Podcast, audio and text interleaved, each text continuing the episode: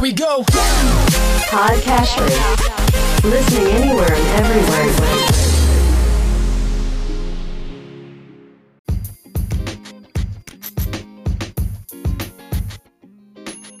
Welcome to Weekly Investment Podcast bersama saya Ferdian Putra dari Ispring Investment Indonesia untuk Prudential Indonesia.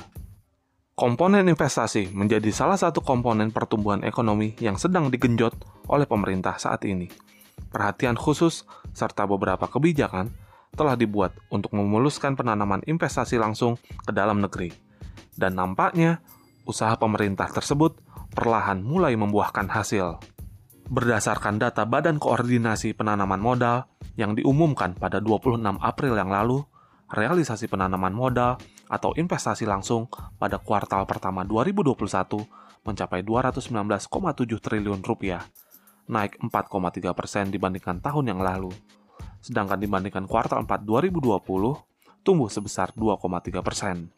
Realisasi penanaman modal kuartal pertama tahun ini dimotori oleh penanaman modal asing yang mencapai 11,7 triliun rupiah, meningkat 14% persen dibandingkan tahun lalu.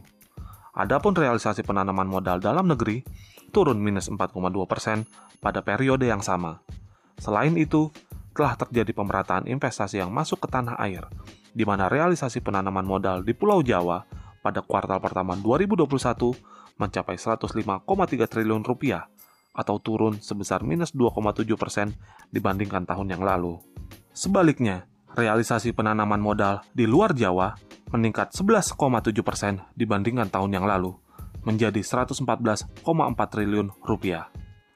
Dengan capaian pada kuartal pertama tersebut, realisasi penanaman modal asing dan penanaman modal dalam negeri pada kuartal pertama 2021 sudah mencapai 25,66 persen dari target investasi yang dipatok Badan Koordinasi Penanaman Modal tahun ini, yaitu senilai 856 triliun rupiah. Berdasarkan asal negara, peringkat pertama penanaman modal asing pada kuartal pertama 2021 ditempati Singapura senilai 2,6 miliar US dollar, diikuti Tiongkok sebesar 1 miliar US dollar dan Korea Selatan sebesar 900 juta US dollar.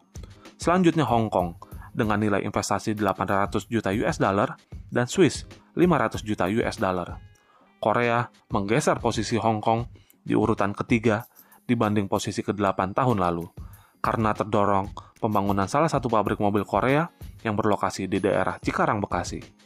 Diharapkan dengan semakin meningkatnya investasi, baik investor asing maupun dalam negeri, tentunya dapat membantu pemulihan ekonomi Indonesia yang masih terdampak pandemi COVID-19 dan memberikan dampak positif berganda terhadap perekonomian ke depannya. Demikian Weekly Investment Podcast mengenai realisasi penanaman modal asing di Indonesia hingga kuartal pertama 2021. Semoga bermanfaat dan salam investasi.